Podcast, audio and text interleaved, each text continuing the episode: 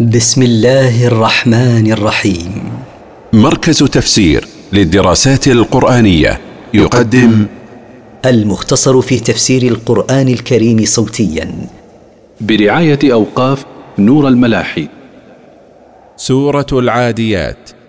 من مقاصد السورة تحذير الإنسان من الجحود والطمع بتذكيره بالآخرة. التفسير والعاديات ضبحا. أقسم الله بالخيل التي تجري حتى يسمع لنفسها صوت من شدة الجري. فالموريات قدحا.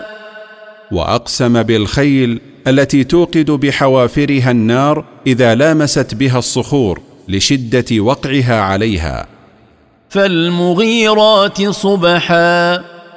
وأقسم بالخيل التي تغير على الأعداء وقت الصباح.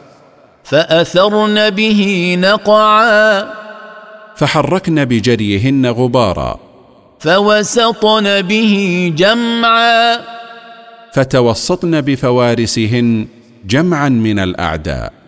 إن الإنسان لربه لكنود.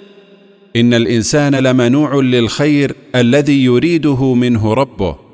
وإنه على ذلك لشهيد. وإنه على منعه للخير لشاهد لا يستطيع إنكار ذلك لوضوحه. وإنه لحب الخير لشديد. وإنه لفرط حبه للمال يبخل به. أفلا يعلم إذا بعثر ما في القبور؟ أفلا يعلم هذا الإنسان المغتر بالحياة الدنيا إذا بعث الله ما في القبور من الأموات وأخرجهم من الأرض للحساب والجزاء أن الأمر لم يكن كما كان يتوهم؟ وحصل ما في الصدور. وأبرز وبين ما في القلوب من النيات والاعتقادات وغيرها.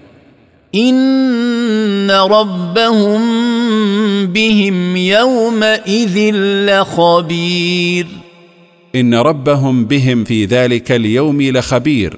لا يخفى عليه من أمر عباده شيء وسيجازيهم على ذلك.